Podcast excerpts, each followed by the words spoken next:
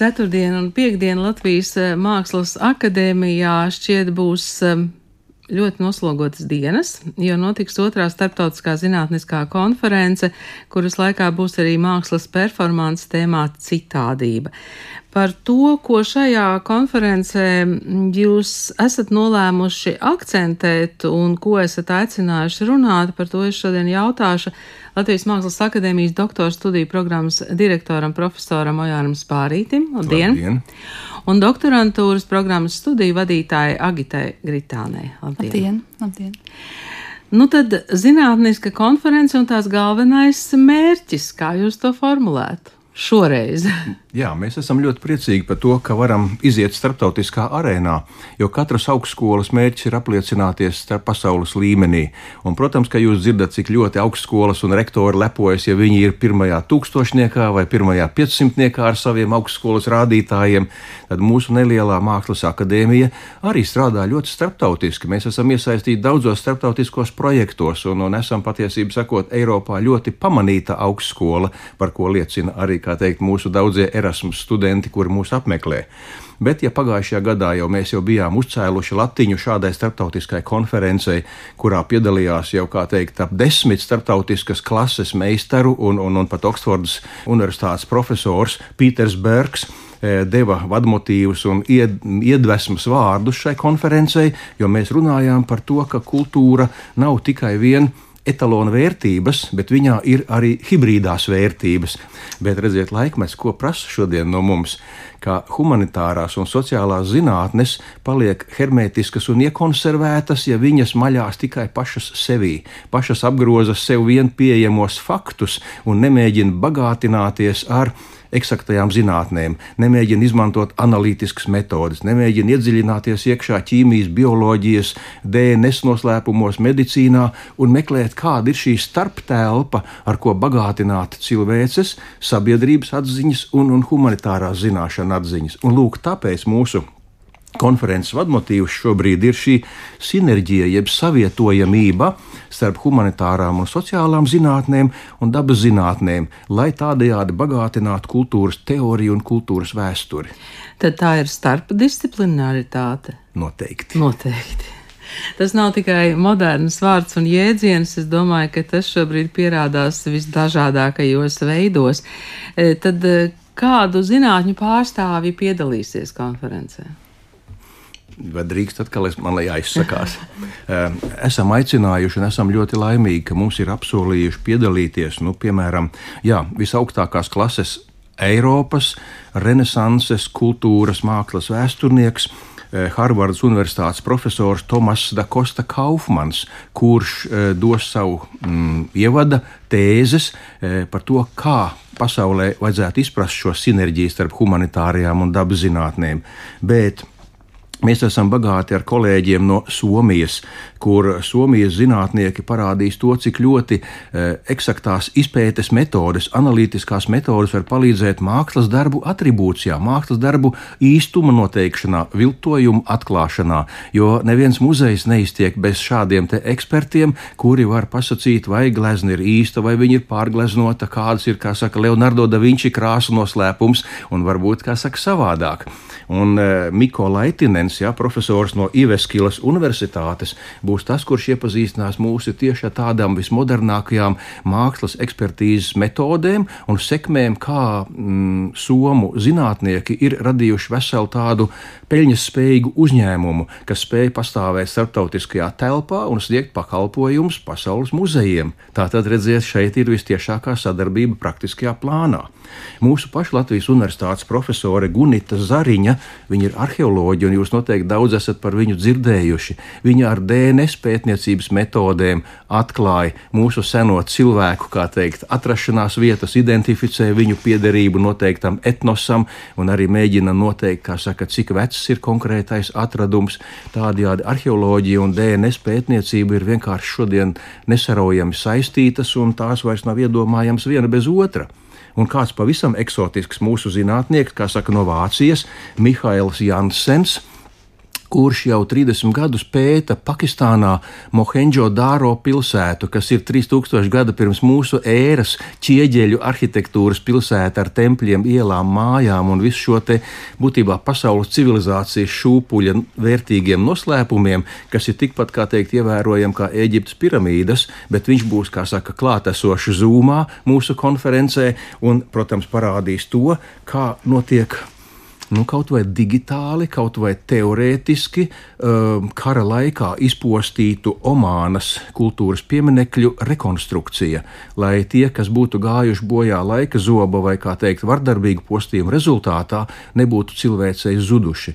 Un te nu mums ir jādomā, ka pasaulē ir daudz nemierīgu vietu un punktu, kuros kultūras vērtības iet bojā, un ja viņas ir neatgriezeniski gājuši bojā, tad viņu rekonstrukcija palīdz, kā teikt, jā, veikt šīs matemātiskās matemātiskās modelēšanas metodes. Lūk, tā ir mūsu ievirze. Es papildināšu, ka patiesībā jau arī mūsu konferences tāds lielākais mērķis ir savienot šos pasaules tiešām līmeņa profesors un pētniekus ar mūsu studentiem, ar mūsu doktorantūras studentiem, un kas arī ir svarīgi, ka akadēmijā nu, jau otro gadu ir sākuši studēt arī profesionālās doktorantūras studenti, kas ir pilnīgs jaunums Latvijā. Un, jā, un šajā vienā konferencē, vienā dažādās sekcijās uzstāsies gan mūsu studenti, kas uh, nu, topošie zinātnieki un pētnieki, un uh, šie pasaules uh, nu, jau, jau atzītie. Un, un, un tā kā arī šo sinerģiju un arī šo kompetenci mēs ļoti, ļoti vēlamies attīstīt, un tas jau ir jā, jau otro gadu. Profesionālā doktorantūra, lūdzu, paskaidrojiet, jūs teicāt kaut kas jauns. Tad, tad profesionālā doktorantūras programma ir jau otro gadu. Šogad būs trešais gads, kad mēs uzņemsim studentus. Tā ir kopīga Mākslas augstskola, Mūzikas akadēmijas un Kultūras akadēmijas un Mākslas akadēmijas veidota programma.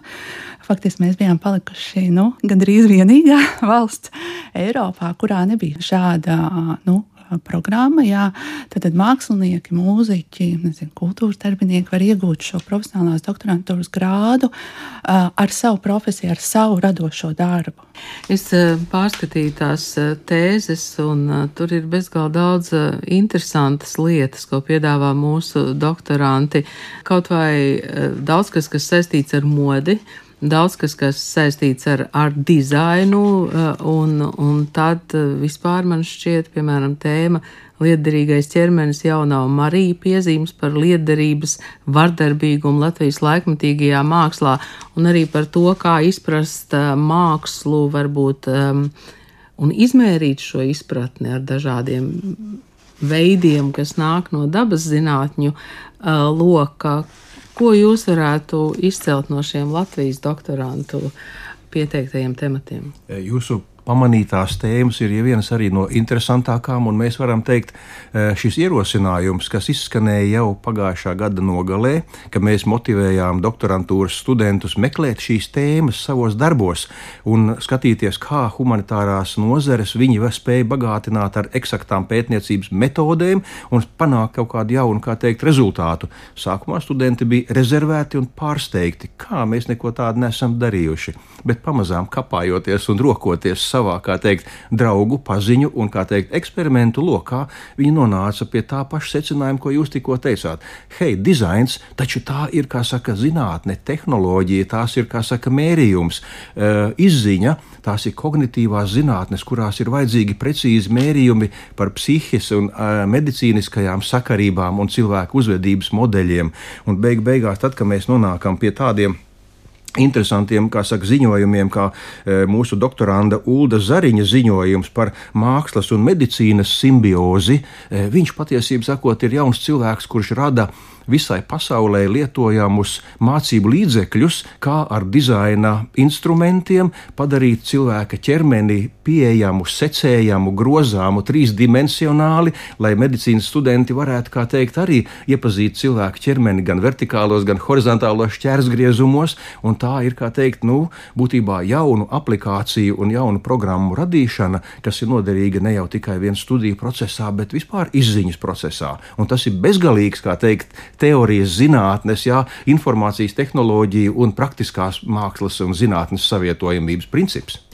Vai mākslas akadēmijā studenti apgūst arī eksaktos priekšmetus? Švaki.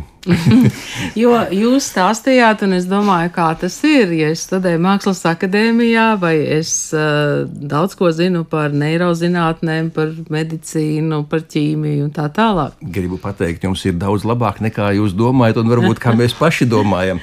Tad, kad cilvēks nonāk līdz doktorantūras studijām, nevienmēr viņš ir tieši tikai Mākslas akadēmijas produkts.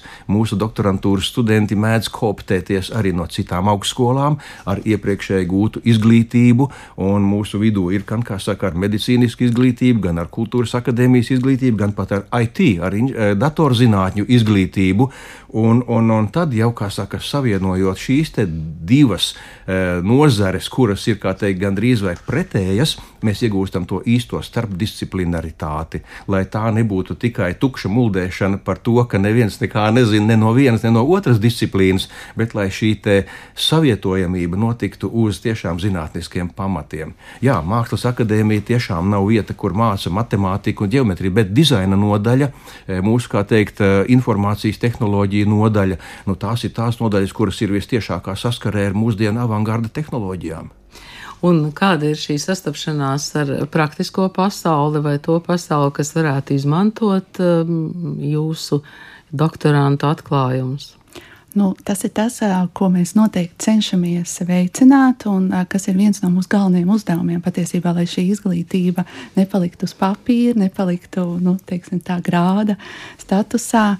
Un, mums ir ļoti cieša sadarbība, piemēram, dizaina nodaļām ir ļoti cieša sadarbība ar tieši nozari savu, arī uz mūsu diplomāta dienām un uz skatēm nākt, pieņemsim, nozares pārstāvi vērtē, ieskatās, dod padomu studentiem, ko un kā tālāk varbūt virzīt un attīstīt, lai, lai tas būtu tiešām liederīgi un noderīgi. Un tāpat arī, protams, ka mēs savus doktorantus jau iesaistām gan akadēmiskajā darbā, gan, gan nu, jā, šās, šīs starptautiskās sadarbības dažādi projekti. Akadēmija ir arī EU for Art dalībniece, kas ir tāds pavisam grandios un liels projekts ar mērķi izveidot kopēju Eiropas Savienības mm, tātad šo mākslas diplomu, mākslas augstāko izglītību. Un tūlīt no nākamā gada tur pievienojas arī doktorantūras programma. Ja drīkst papildināt, nu, mēs esam priecīgi par to, ka tieši šajā pavasarī doktora grādu ieguva mūsu iepriekšējais doktorantūras students, arhitekts Artūrs Lapiņš, kurš ir viens no Latvijā pieredzējušākajiem viduslaiku pilsdrupu restaurācijas un konservācijas speciālistiem un projektu veidotājiem. Viņš strādā pasaules līmenī, un tā ir, kā saka, kartēšana no droniem, eh, pilsdrupu erozijas procesu novērošana visdažādākajām modernajām metodēm, kurā mm, ģeo tektonika, svārstības, eh, novirzes, deformācijas, visdažādākie citi procesi, kas bojā mūsu kultūras mantojumu, var tikt izvērtēti ar šīm matemātiskajām, pielietojamās matemātikas metodēm, un pēc tam dots rekomendācijas, kā to novērst. Tādējādi nu, pasaule visa strādā šādām metodēm, kur lielās universitātes var tiešām to darīt ļoti atbalstoši un ar ļoti, kā teikt, plašu tādu tehnisko aprīkojumu. Mēs tā ziņā esam iesācēji, bet mums gribas pasaulē turēties līdzi. Es lasu, ka šīs zinātniskās konferences galvenais mērķis ir mainīt līdzšinējos pieņēmumus par mākslas zinātni kā abstrakciju un parādīt, ka tā pilnvērtīgi iekļaujas un papildina arī eh, citas um, nozares. Eh, tad, kad beigsies šīs divas dienas, eh, tad droši vien būs kāds kopsavilkums, rakstu krājums, un tad jūs varēsiet uh, pateikt, cik tālu jūs esat eh, šī galvenā mērķa sasniegšanā?